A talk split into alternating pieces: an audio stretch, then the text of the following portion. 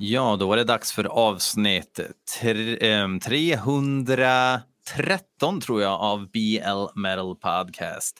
Eh, där jag och BL oftast lyssnar på musik som ni skickar in, men inte just den här gången, för nu har jag fullt upp med och snart ska snacka med en gammal idol faktiskt från eh, pojkrummen och fortfarande faktiskt. Uh, I present to you Mr. Dan Lilker.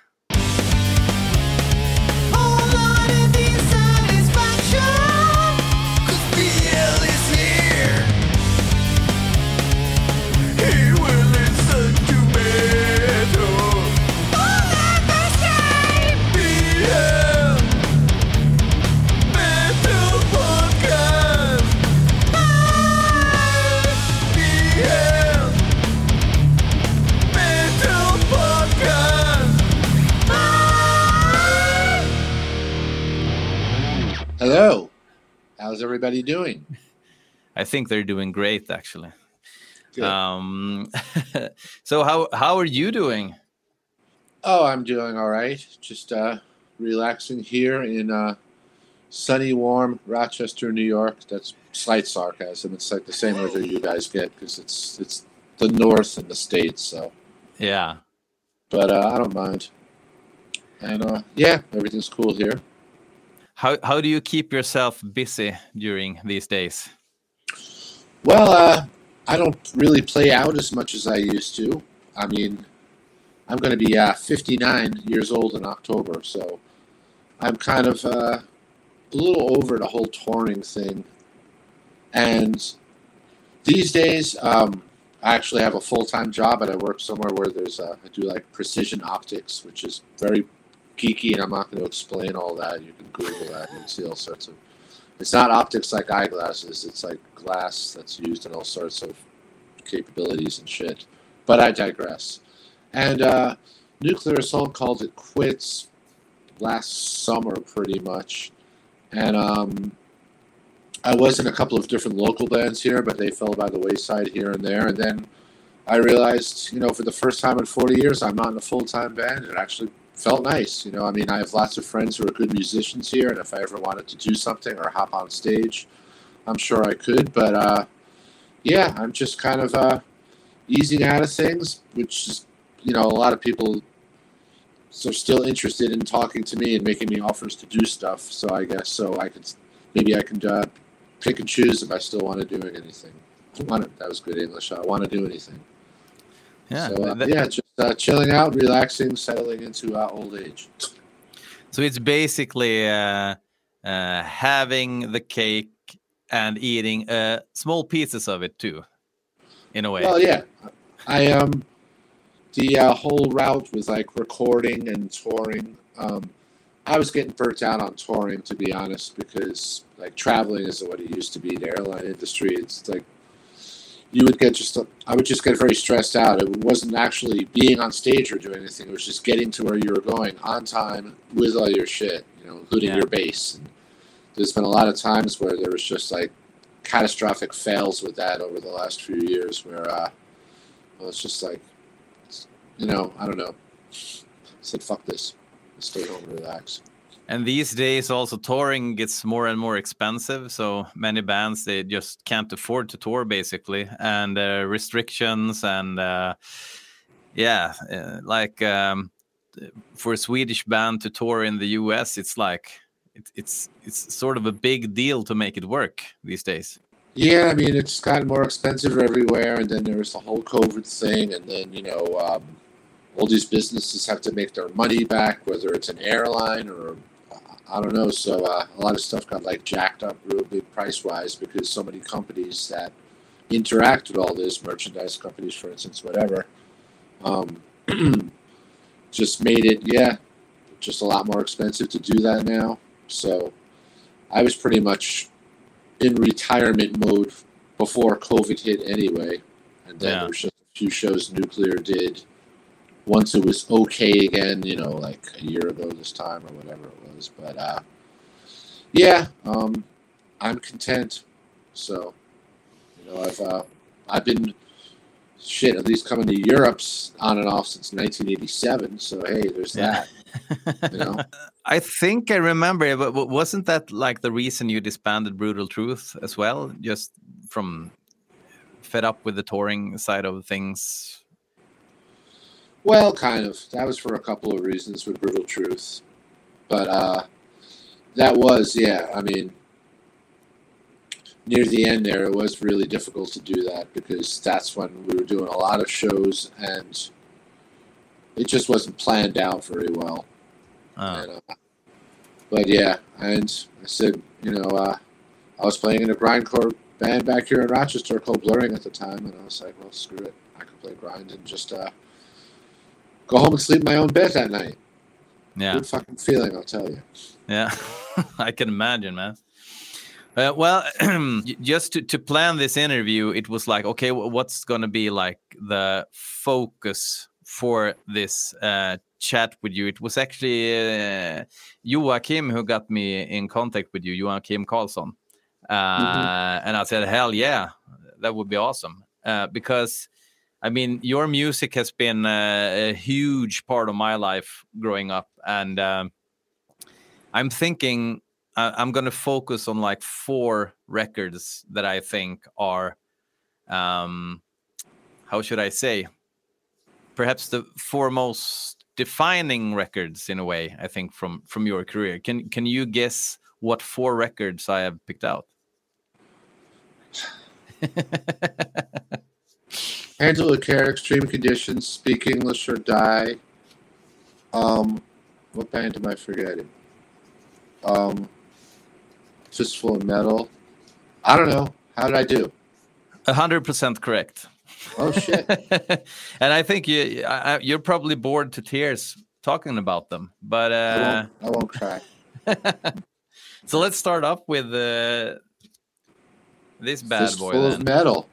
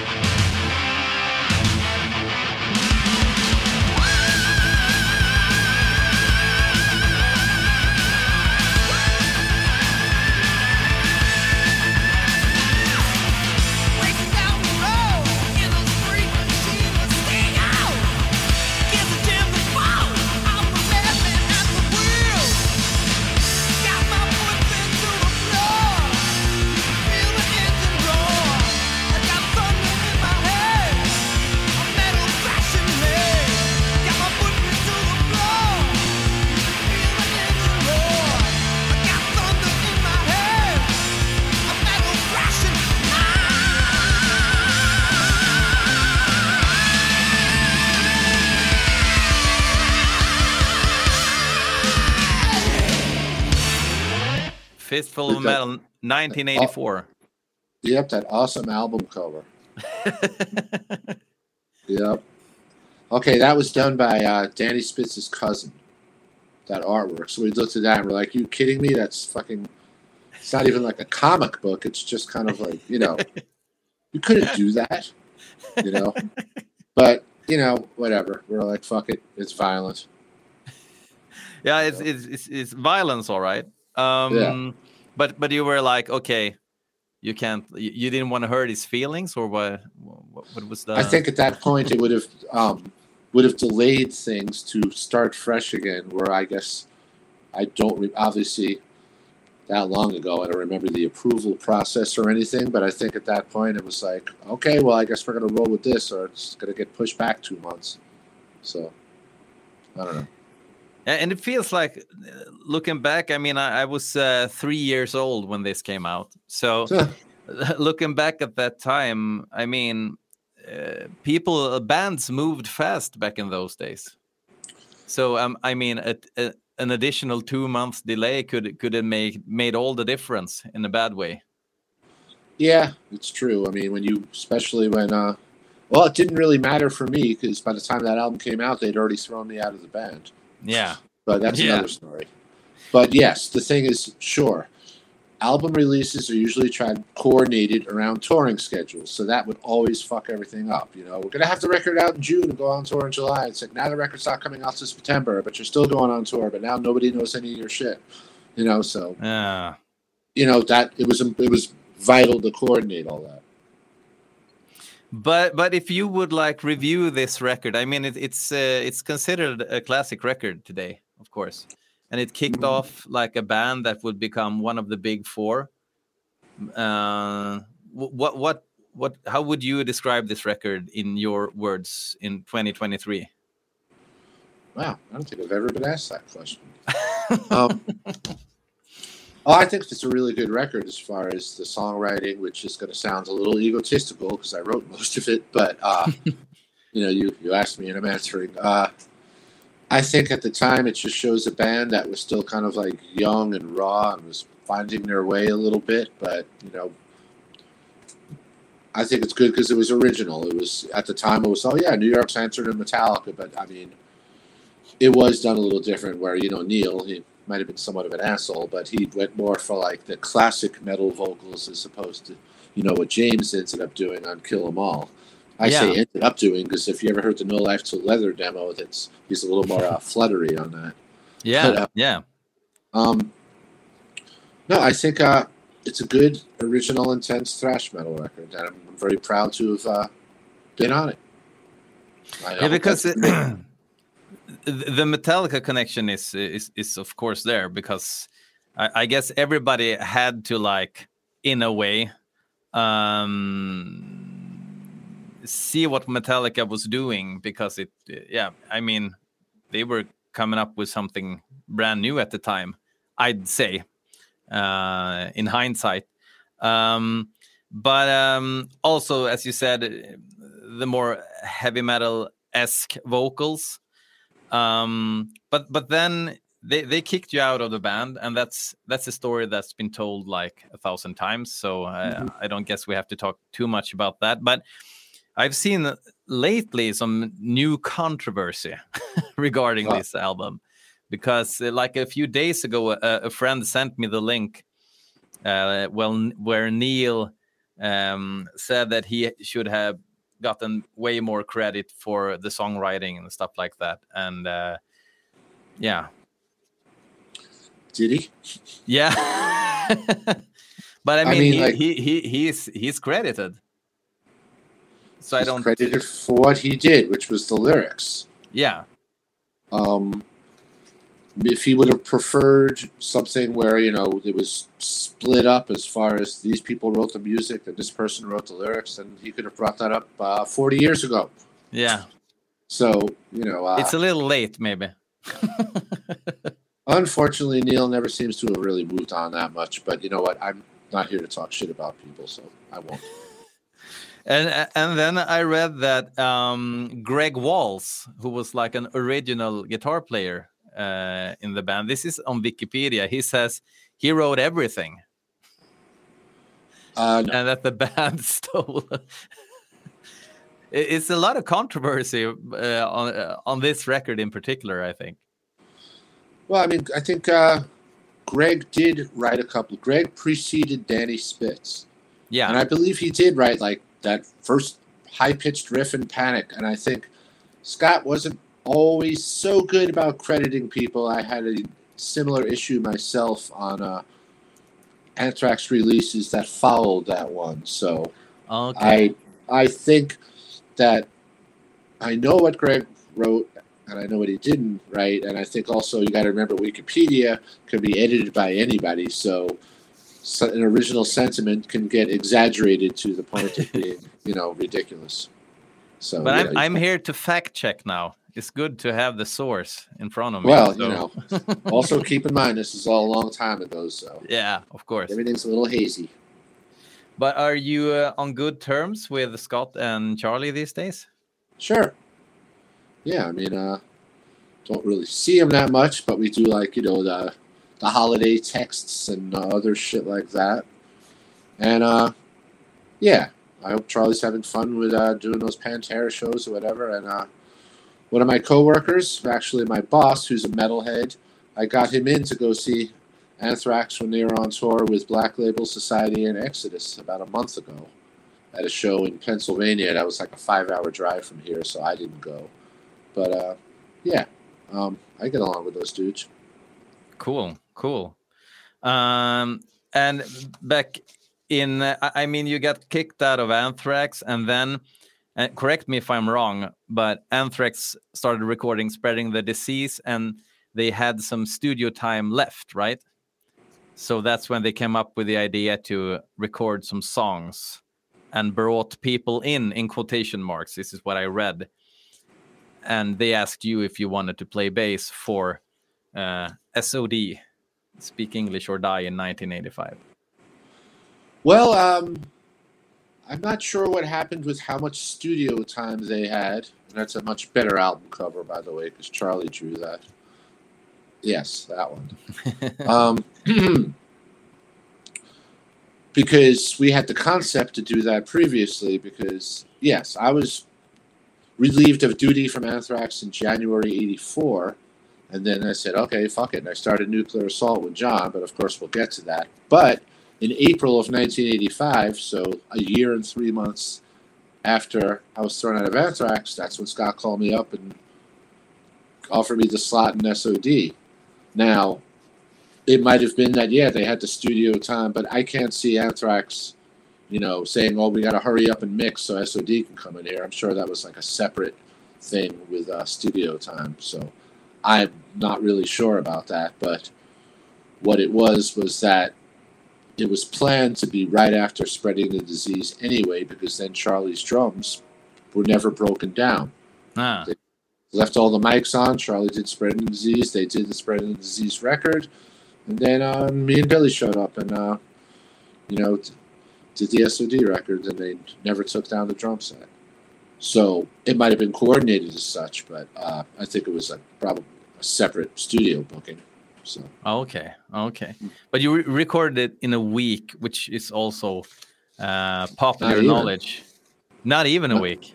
not even, dude. It was four days total, and one of those days was mixing. So all the tracking was three days, which you know that music isn't rocket science or anything, but we weren't exactly incredibly well rehearsed. But I think they gave it that urgency. you know, Yeah. and, uh, we knew what we were doing. We knew how the songs went. We had played them just enough to so I could come up with a couple of you know cutesy little baseline things like in Pi Alpha Nu or whatever. And uh, yeah, I, can't see it why it would have taken any longer. It was fucking half hour record and it's just uh, fast hardcore metal, whatever.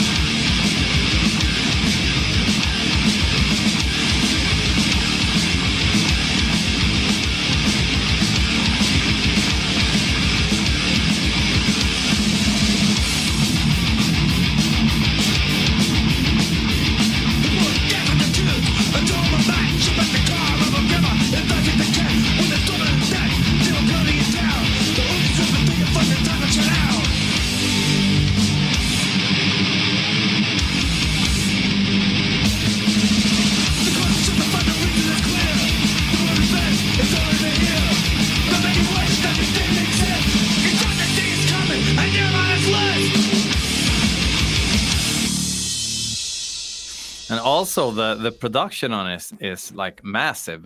Still to this day, it's it's quite incredible to to think that it's recorded in '85 with that sound. Was that something like you were? I, I mean, mixing on the on the fourth day and uh, coming up with this uh, fucking monster mix.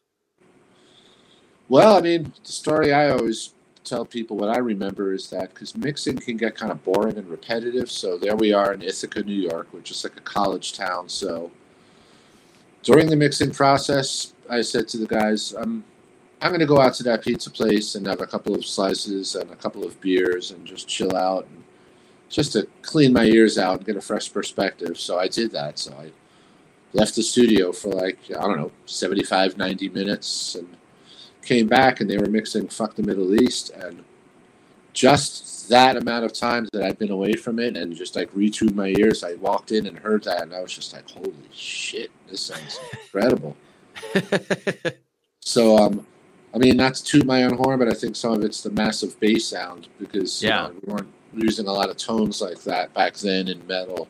You know, maybe the underground shit like Venom, where I got it from anyway, or Discharge. But uh, with uh, like the heavy heavy distortion uh, sort of bass tone. yeah, because Yeah. uh, like the, at the beginning of the record, that first riff, that's you know guitar and bass, that big Yeah. wall of riff, you know. So, but again, you know, that that's what I thought it needed. and uh, it benefited from that Cool. to say the least i mean it's it, it, it, it's awesome that the album app uh, opens up with such power and there's no drums yet you know? It's like and i think you also can hear like the um, the snare vibrating a bit as well where it's Hmm, just that in my head or something or maybe it's that's like the distortion from the bass or something that kind of is in that frequency. Yeah, not really sure, man, because uh, those would have been uh, overdubs after the drums were done. So uh, don't think it would be a sympathetic vibration because we didn't track all at once. That's when that kind of stuff happens. yeah yeah exactly Yeah. Hmm. Oh, that's weird. I've always I'm gonna have to listen to it again. Maybe it's just like what do you say, wrongful memory or something. I don't know. Right.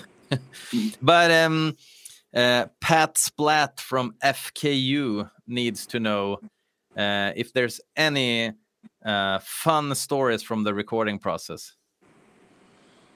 Well, whatever I can remember now. Christ. Uh, to be honest, dude, it was kind of a blur because we just went in there and, like I was saying, the urgency I was talking about.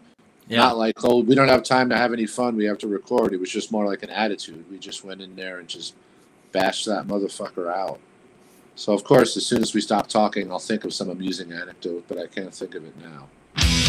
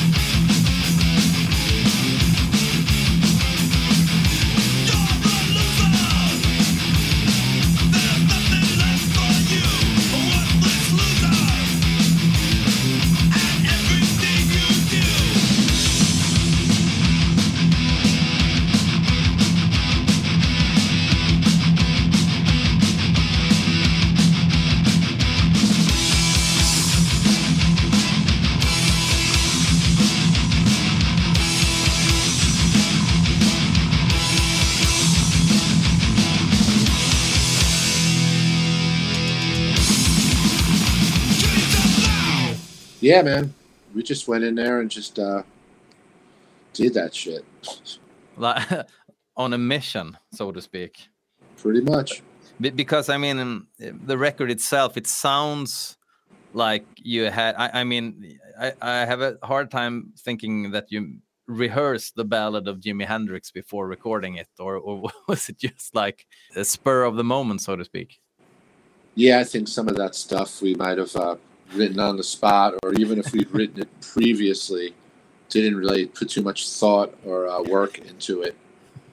But uh, yeah, I mean that was just fun and stupid. Yeah.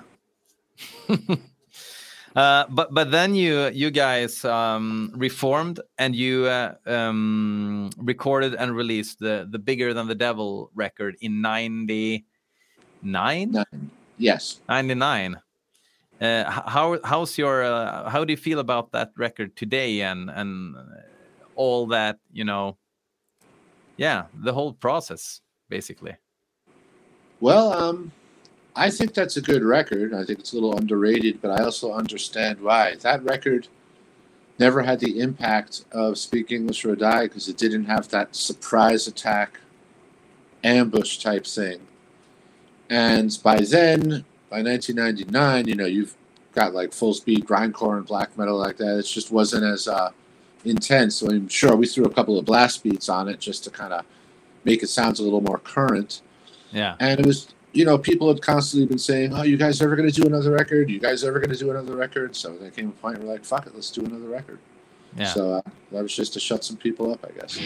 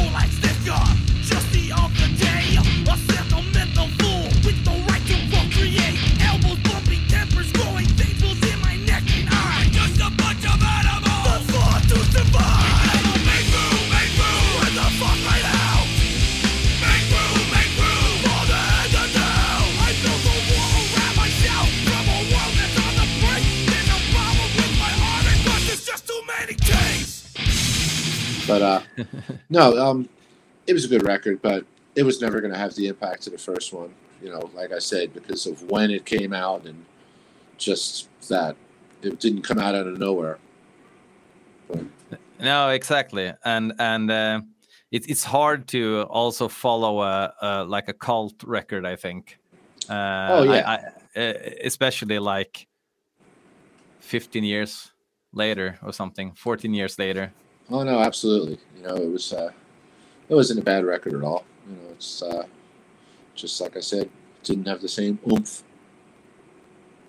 Yeah, But, I uh, know. Uh, uh, B- Billy has uh, he, he did some interviews like when you disbanded the second time, or maybe you didn't. Did you disband, or was it just like okay, now we're gonna focus on our other other stuff and like left it open, or was it like a breakup, or what happened? Well, that would have been around, you know, like 2001 or something like that. It was just difficult to do too much anyway because Anthrax was still in full swing, and then Nuclear Assault started doing stuff in 2002.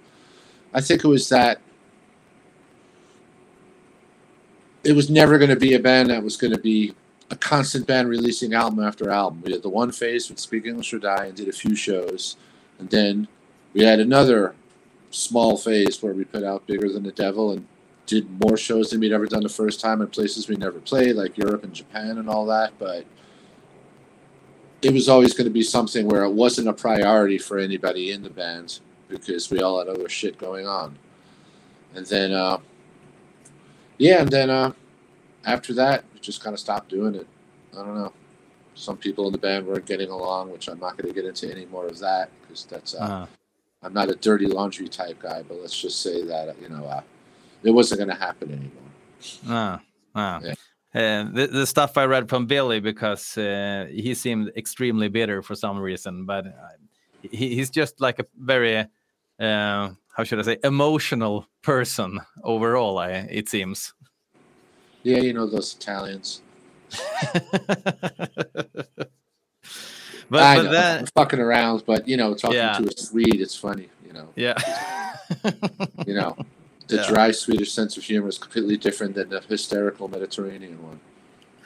Speaking of sense of humor, I mean, looking back, 1985, uh, with, with the lyrical content of this record. Um, the funny thing is, I don't remember when I first heard this record, but I just saw it as uh, f- funny, you know, uh, like not to be taken seriously. And I also think I read somewhere that Scott said that like the lyrics are it's supposed to be Sergeant D, who's kind of like a dumb fascist uh, kind of uh, personality, who's actually saying this stuff like like a joke or something. It's not supposed to be like actual lyrics to be taken seriously. Was that something you talked about beforehand, or was it just like I could say that we were just trying to be as obnoxious and provocative as possible, and if that meant doing stuff that would be considered satire, because no, we didn't. You know, we didn't mean that stuff in a heartfelt way.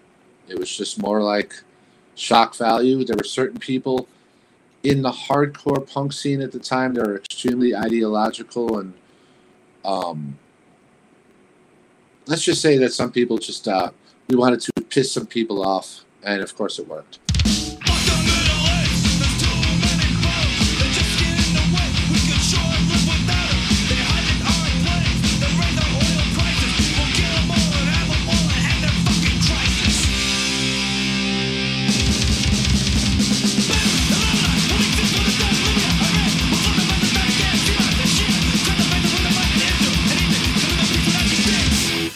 Look back in hindsight now, because people would say, "Well, you know, and do you see?" The thing is, we knew we were joking, so I don't regret any of it. You know, No. we were just having a good time. We knew we were going to piss people off, and uh, but the thing is, it was just. And of course, you'll probably ask me soon about cancel culture, and we couldn't do this now. Of course, we fucking couldn't. But at the time, you know, it was just uh, having some fun, trying to get some people's goats, and yeah? You know, it uh if whether it was Sergeant D, sure, you know, then it was the uh, speaking, you know, us speaking through Sergeant D's mouth or vice versa. I don't know, but the lyrics were secondary. To me, it was always about the music, and the lyrics to me were just, you know, amusing and obnoxious. Yeah, I was actually not going to to enter the um, conversation about cancel culture because I'm so Good. bored with that.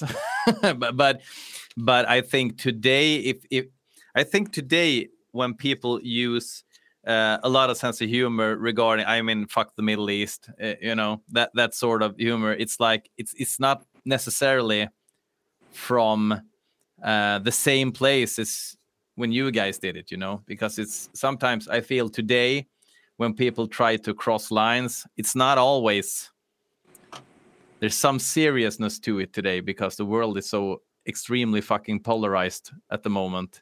So people do people use sense of humor for a reason, not just to goof around nowadays, I feel. Or often. Yeah, that might be the case. I mean, the world was screwed up then too. That was during, you know, uh, you know, worried about like nuclear war with Reagan in Yeah. the mid '80s and everything like that. I mean, obviously now, at least here in the states, you know, with uh, people like our former president who've uh, kind of brought down the bar on civilized behavior in general. But uh, you know, I'm not going to get into that. So Speaking of nuclear war, we have uh, nuclear assault handled with Aha. care.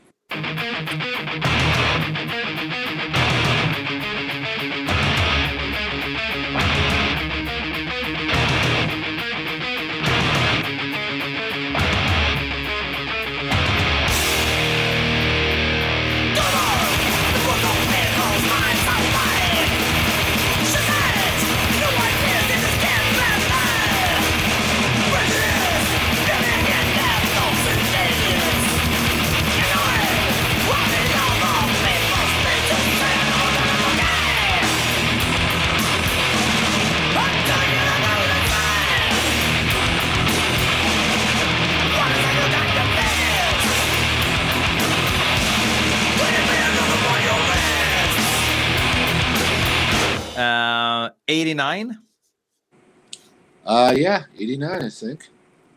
So and that was, and you started out in 86, or was it? Well, 86 was when Game Over came out. The band formed in 84, but it took us a while to find the right lineup and find a record company and write music. So, but um, 86 is when we got on the map, if you want to say. And how would you review "Handle with Care"? This is this is like an undisputed thrash classic today. Oh, thank you. Um, I'm very proud of that record too. I think that shows a band that had been touring for a while, been playing together for a while, so we were a very tight, well rehearsed unit. That was very, you know, especially you know with Glenn and I being the rhythm section. So, I mean, we were mature in a good way, not in a way where we were playing lofty riffs, but we were a band that had gelled after playing together so long, and we were like a real well functioning unit, and you can hear that on that record. And I really like the sounds on that record too, because I think Yeah. before it, Survive, which was done on a major label, was a bit too polished sounding. I think this record, Handle with Care, has the perfect balance of rawness, but also like good fidelity. And uh, Definitely. yeah, and I think just a lot of good music on there. And uh, yeah, again, uh, real proud to have been on that one. And Critical Mass got some, uh, I'd say, for for a thrash band of your like aggressiveness, you could see the video uh, quite often. Critical Mass. Ah, yes, with uh, Jessica. You know, it's funny. Yeah. Uh, uh, I was out with my wife in LA back in September because I don't know if you saw the Ronnie James Dio movie. yeah. I'm actually in it. Um, Yeah. Yeah. I remember now. so uh, we were flown out to the Hollywood red carpet. Believe it or not, it was on the fucking red carpet for the debut of that movie. And on the way from the airport to Hollywood, we passed right where that video was done with the uh, the oil. I don't even know what you call them. You know, if you can see me, the fucking Yeah. Yeah. Yeah. Yeah. Yeah. Those pump, oil pump sort of. Right. Uh, yeah. And I said to my wife, "Oh, look, you see that? You see that corner? I think that's where we did the critical mass video." So it was interesting because having been there for the first time in you know thirty years or something or more.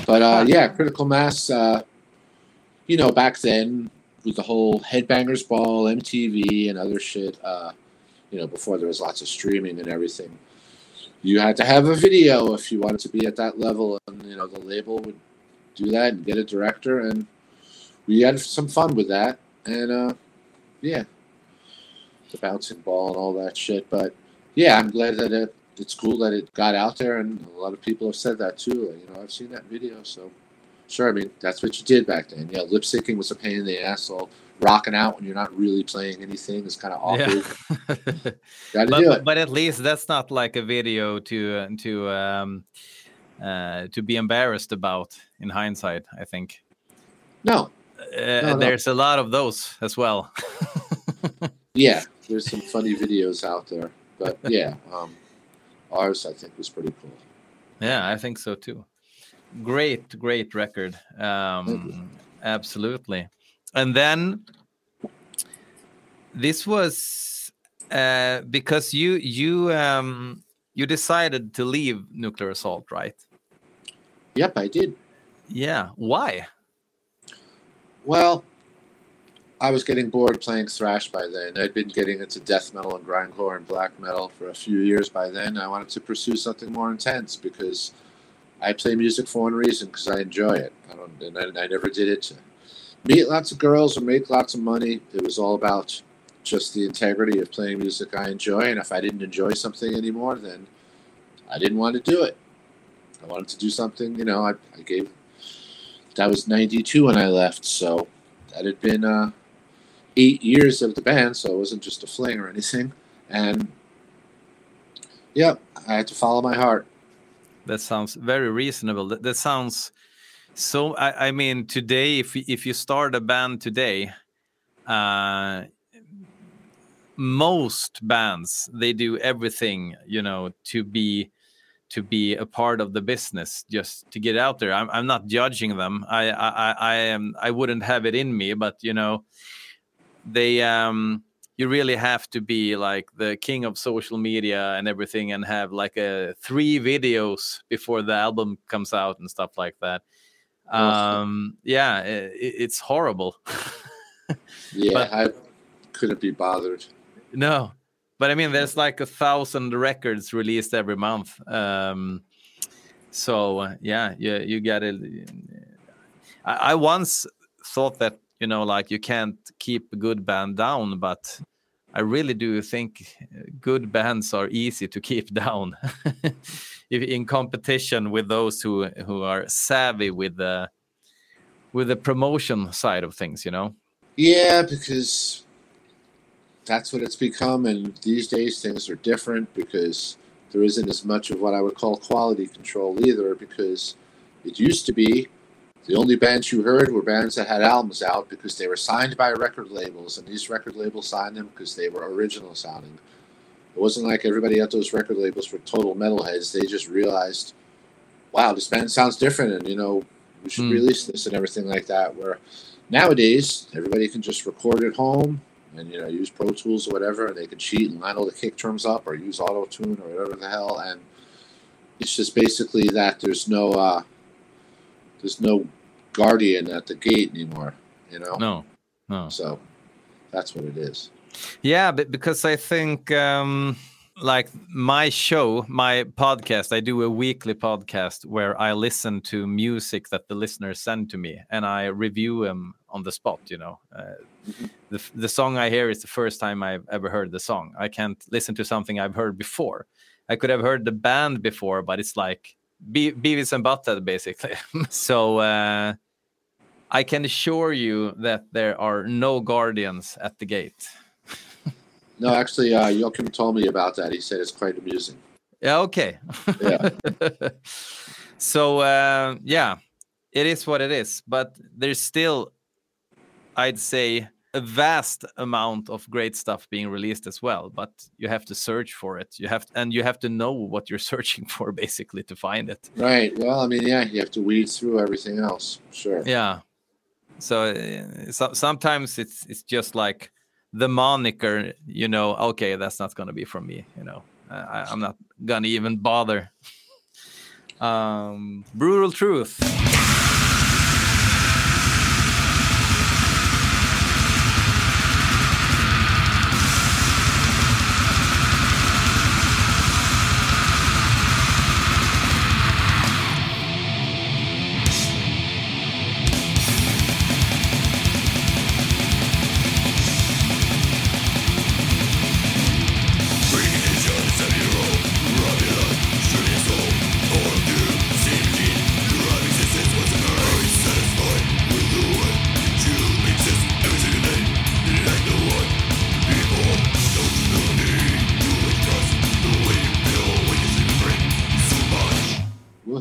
Truth.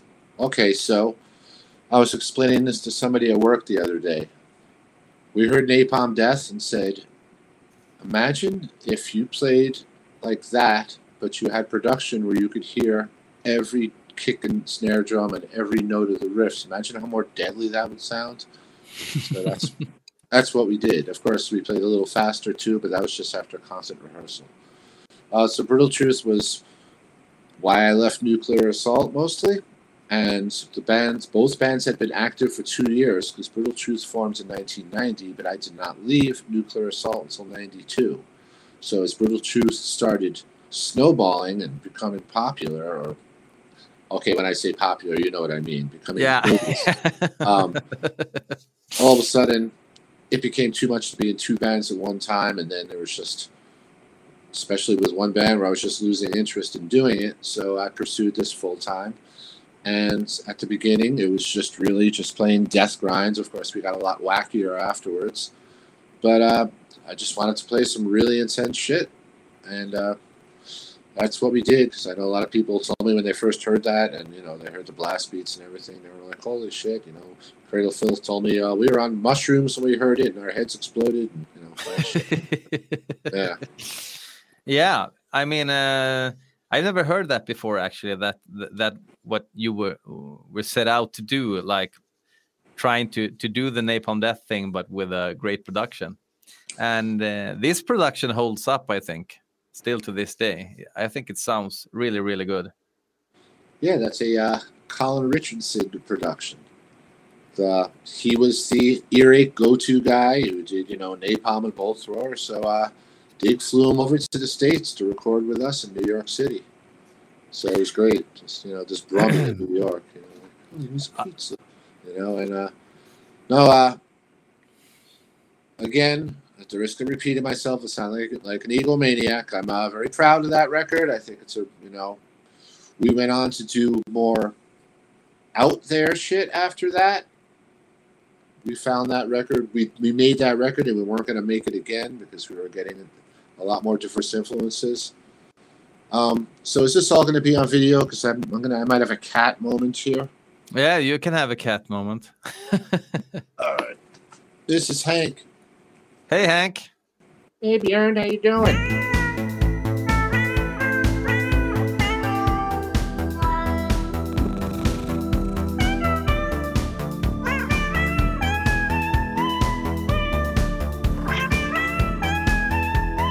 Anyway, brutal truth. Uh, yeah. So we uh, said, okay. Stylistically, it wasn't the same as Napalm as far as how the songs were written because a lot of people when we first came out said, "Oh, you know, Brutal Truth just sounds like Napalm Death." And like, if you actually listen to both bands side to side and listen to the song structures, you'd realize that's not the case at all. That was just lazy journalism. yeah But, uh, yeah Yeah, And I and the aesthetics as well is is, is reminiscent of napalm with the different c- c- um, famine and catastrophes and uh, well, sure. yeah I mean, uh, yeah To uh, you know, if you're gonna have grindcore lyrics that would be extreme, you have to have kind of you know imagery like it's. Uh, I don't know. of Scott, course the of course drum, yes, Scott Lewis, our first drummer, did the artwork on that. okay Yeah, and that was like real cut and paste, you know, with the scissors. You know, that's awesome. Yeah but, but but colin richardson that's interesting because i i think people like colin richardson because they are so great they are also quite responsible for the um, streamlining of modern production today. Because they uh, they invented all those plugins and gears that everybody uses and everything sounds the same these days you know like the de- default settings in Cubase for uh, uh, if you listen to like Testament or Exodus or all these otherwise great bands, but only the vocals make you tell them apart anymore because everything sounds so so alike. I think, uh, which I think is a shame in many ways. well, that could be a result of just uh, the fact that now you have these recording apps with all that shit built in and all these Yeah, sound emulators, people get lazy and go, oh, you know, I'm going to use this setting. And then you can, of course, exploit all those applications and fuck around with EQs and get your own sound out of them. But some people just go, oh, let, let's just put this drop down, look at this drop down menu, and they just pick something. You know. Yeah, So yeah, yeah. that's on them for just not being lazy and not inventive about it. You know, I record at home if I fuck around and do stuff, and um, it's quite. What do you want now? You already ate. Um, it's uh, quite easy to uh, step out and be original doing it if you're so motivated. Yeah, of course, and and you want you want a signature in the sound. I think. I mean, Yeah. uh, like the flaws of great old records. The the flaws are like the signature for for the sound. Sometimes, Like, Absolutely, because now uh, they clean up everything in Pro Tools, so every kick drum is lined up like a soldier. And to me, it's Yeah. just it kind of flatlines. It's not organic enough. You know, um, I think there should be some, yeah, flaws and mistakes, and just it just sounds natural and organic like that. Yeah, and and I You think know? when it also when it comes to like you aim to make like brutal music uh, or extreme music, but you can listen to it like in in in your in your clock radio by the bed, and it, it sounds perfect from that speaker. You know you're doing something wrong. You know. Right. Um, uh, I, I I want stuff to be extreme in in in all ways, you know. Um, so so, so e- even if um, that that's going to result in in stuff that may may sound to an untrained ear, it might sound amateur, but what it really is, it sounds passionate. I think. Um, yeah. But I agree. that's just like old man opinions nowadays. So better no, get on that- TikTok. Right. No, it's true because uh, the studio where Brutal Truth did the last couple of records from the recent era, recent being like you know 2007, 2011. The guy from the studio said that some bands would come in would have a keyboardist, and they would just have a MIDI file and go, "Let me see what kind of sounds you have on your stuff." Like they, all they would have is the notes, and then they would find a sound when they get there. Like, don't you do anything Yeah. yourself? Yeah, yeah. That's weird. And also when you play the keyboard, you have like a world full of sounds that you can use. And Yeah. It's like no no, take something that that, that sounds very uninteresting so that everybody can enjoy it. Right. Um, speaking of brutal truth, Need to Control was released in a box set with like Well- a six inch, seven inch, eight inch. Whose Five, idea six, was seven, that? eight, nine. Yeah, Yeah, that's I a got that. brilliant idea. Well, uh, we kind of pressed Dig from Earache into doing that. You know, we came up with the idea, and we were like, "Well, Dig, you know, if you're really behind a band, you would do this limited edition." And he was like, "Yeah, fuck it, I'll do it." And uh, we were like, "Oh shit, really? Okay." um, yeah, um, especially now, though. You know, of course, vinyl's always making a comeback, right? Because you want to hear that nice analog. You don't want to listen to Black Sabbath, Master of Reality, and your fucking folder on your computer you No, want to hear it. of course. So you know, you want to hear it on a record, and get up and flip the record over. You know, and uh, but uh, yeah. So the thing with the box set was just a cool collectible thing, and uh, I have one, still do. Yeah. I don't, but uh, I'm gonna have to get it. I think. Did you look on Amazon or something? I, I I haven't, but uh, Discogs, it's it's not it's not for free. I can tell you that much. Ah, yeah, Discogs. Sure, I should have thought of that. Yeah. Yeah.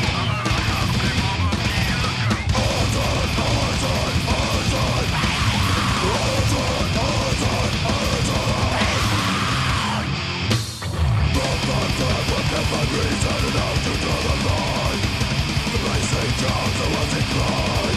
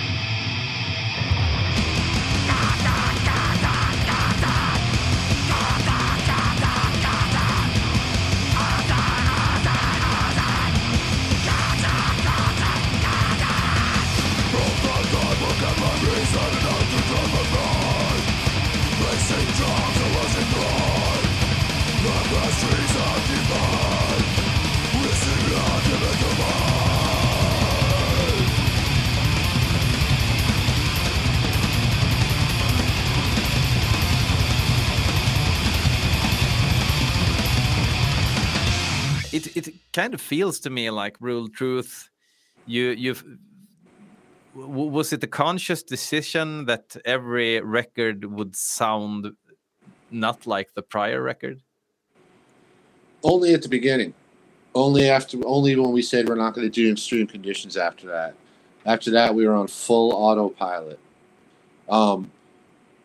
Okay, you're gonna think this this might sound amusing or something, but once we got our second drummer, Richard, then uh, we all uh, smoked weed, and that made things a lot more interesting. Yeah, so kind of went into the deep ends of the pool there.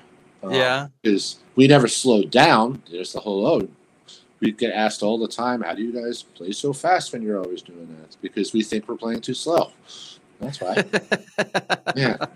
So it's it's like um uh psychological trick you do upon Yeah. yourself. That whole snake eating its own tail thing.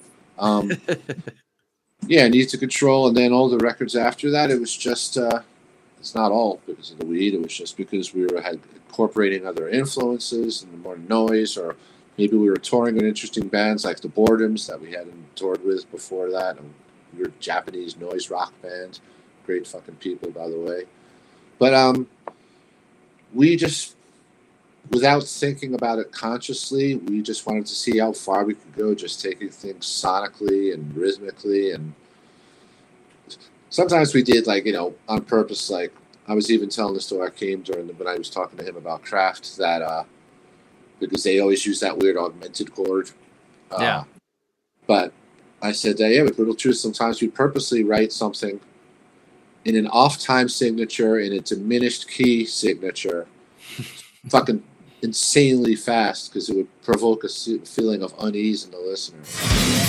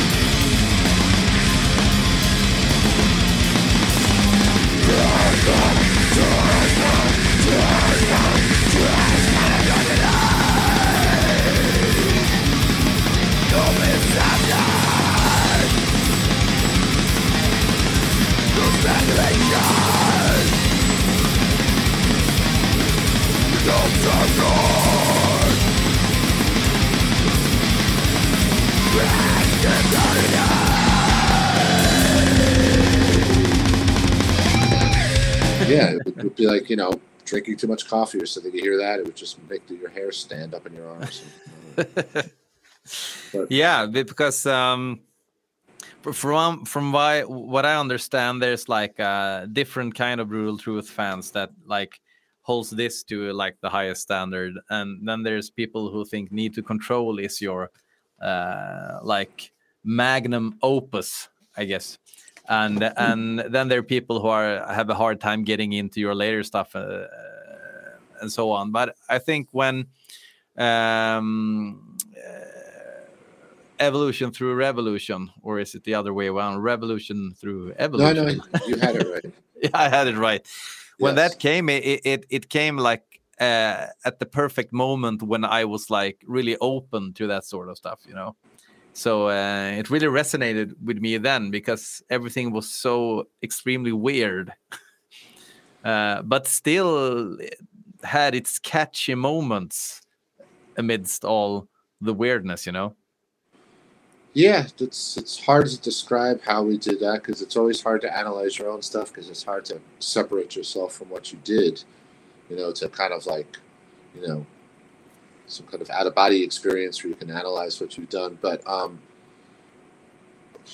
we, whenever we wrote stuff, if we had a slow riff, something that wasn't like a blinding fast blast beat, we would only accept a slow riff if it had a Celtic frost vibe where you could go like over it. Yeah. So, so that was one of the rules. If we're not playing fast, it has to, you know, pass that test. That's a great rule, by the way. Yeah. Yeah. Uh, you s- go back and listen to all our slow riffs and do a death grunt over them, that'll work every time. Um, besides that, we made a conscious effort with that record to just make it like a fucking hammer because by then we were middle-aged men. Like, oh, these guys are going to come back and play grind grinder. These other bands were like, yeah, watch this. And then, yeah. So, and as far as like any melody or catchiness, then I guess that's just a result of how we just wove that in, but that was completely unconscious. We weren't like saying, "Oh, let's put something melodic in here." It's just, I think a lot of I like a lot of black metal, and what I find fascinating about it is very very intense music, but with mournful melodies that make it a very interesting mix. And perhaps I threw a bit a little bit of that in there. I don't know. Yeah, yeah, So- yeah, may, yeah. Maybe now that you mention it, I have, I have like an acquired taste when it comes to black metal. Since to me, it's like one of the genres that I respect the most and disrespect the most as well, depending on what I'm hearing. Uh, like, I feel the mournful, like um, melancholy in black metal. You have to have you you you can have that, and you should maybe have that as well but it have to also have like a contrast that you get the more like uh, ugly and mean stuff as well. You can if it's only like um, cute melodies, it's not going to be brutal to me, even though it's a lo-fi recording or whatever. Oh no, I agree. You know, it's got to be harsh. yeah you have to have that as well uh, in it and that because then the melodies uh, serves a purpose it's not putting Yeah, you to bed it's- it's... like yeah No, it's the contrast. i have some important questions here from uh, listeners Okay. uh, first off is a guy called uh, adde who plays in a band called Birdflesh i think you may have heard of him Uh oh, this is gonna be some wise ass shit. Yeah, Yes. I'm gonna take the most important question first. Uh, what's what's your favorite pizza? He wonders. Okay, that's a trick fucking question. he knows the answer is pizza margarita. So I don't even know where he's coming from with that bullshit. yes, Adde, pizza margarita. His next question is: uh, Are you Howard? Stern? Are you Howard Stern or Dee Snider? I'm Slash. Um, another listener uh, wonders: uh, Christopher Hult, who is a patron of the show. He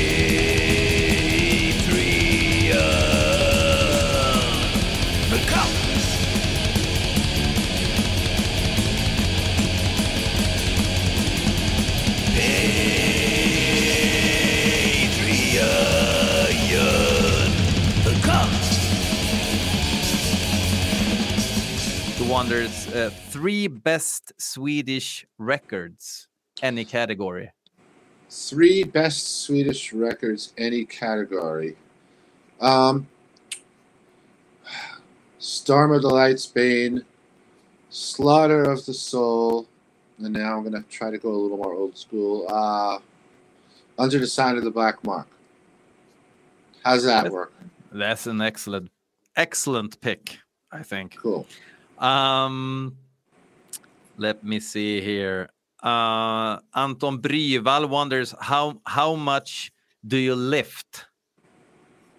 Like bench press.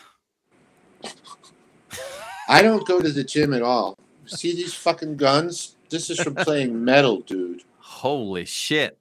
Yeah. Yeah. I'm I stay in shape. I I my job is somewhat physical, but no, I'm not gonna go to the gym and hang out with a bunch of meatheads. No. I fucking lift beer cans. that sounds reasonable as well.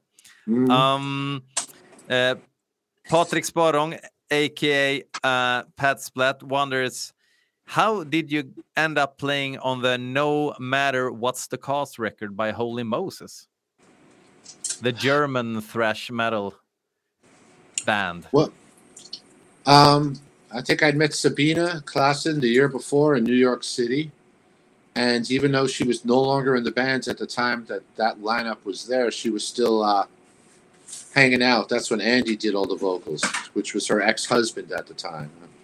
But Okay. uh, when Brutal Truth did the Need to Control record, we recorded in New York, but we mixed in England.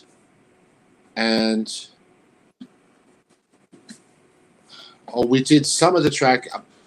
The whole point is that Earache Records wouldn't pay for all band members to be there for the mix of Need to Control because it was an expensive hotel. So I didn't have to be there, and these plans had been made previously. And Sabina said, "Hey, if you want to hang out and go straight from England to Germany after that, the guys would love for you to play on their record and even help write a song or two. And I said, sure, why not? Hmm. So it was a matter that they didn't have to fly me all the way from the States. I was already, well, in England. I was already, you know, whatever, not Europe, but you know what I mean. I was already Yeah. over the Atlantic. So Yeah. it was just a more minor expense. The hard part. yep. So I flew f- uh, to Paderborn, Germany, an incredibly small airport. And when I went to a very small town in Germany called Bühne, which means stage, I don't know if it means the same there because I know German and Swedish are not incredibly. yeah, n- n- not not really the same. No, No, no. but it was B U H N E with two dots over the U. But um, okay. Mm. Yeah. Anyway, um, so that just worked out for convenience, and said, "Sure, man, be fun to play on a German thrash record. Why not?" And I know for, Holy Moses. for I know shits they and giggles. Yeah, because yeah. they weren't Kreator or Sodom, like the, one of the more well-known bands, but they were definitely on that kind of second level with those bands like Assassin and all that shit. Yeah.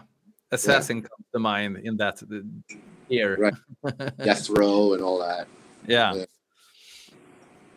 Um, yeah, yeah, I'm gonna leave you for dinner here soon, but uh, two two last questions. Okay.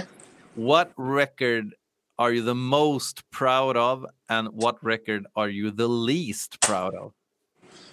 That I've been on, you mean? Yeah, yeah, Well, the most proud of one, that's actually kind of difficult because, you know, like Speak English or Die or Extreme Conditions or, you know, Handle with Care or all, yeah, all that shit. Uh, I'll just say uh, Extreme Conditions demand extreme responses just because that was the most jarring one. That was the one that really, like, put shit into fifth gear for grindcore and all that. Like, I think that had the most shocking, like, holy shit, what the fuck is going on here? You know, I mean, SOD was, of course, a powerful record, but, you know, you had other bands playing that fast back then. Our record just sounds it a little better. So uh, I'll default to Extreme Conditions just because it had a good sound and it was, I guess, revolutionary at the time. Yeah. Fair. And the least proud of. Well, that would be uh, Third World Genocide, the nuclear assault record that came out in 2005 that was completely uninspiring for me.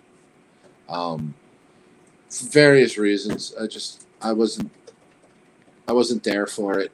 Other people were coming in and like writing music and doing backup vocals and stuff like that. And it was on a small, small label from New Hampshire, and we did the record in that guy's basement. And the guy really meant well and everything, but he had this like fucking damp, mildewy basement, and like, uh, it just wasn't the best memory. So uh, I would say that's the one I'm the least proud of. It's not the worst record in the world, but it's certainly not the fucking best. Okay. Okay, interesting. Um, thank you so much, Dan, for uh, putting up with me for like 58 minutes plus technical di- difficulties No problem. prior to that. it was great fun, man. Yeah, man. Take care and enjoy your dinner. I shall. All right, man. Adios.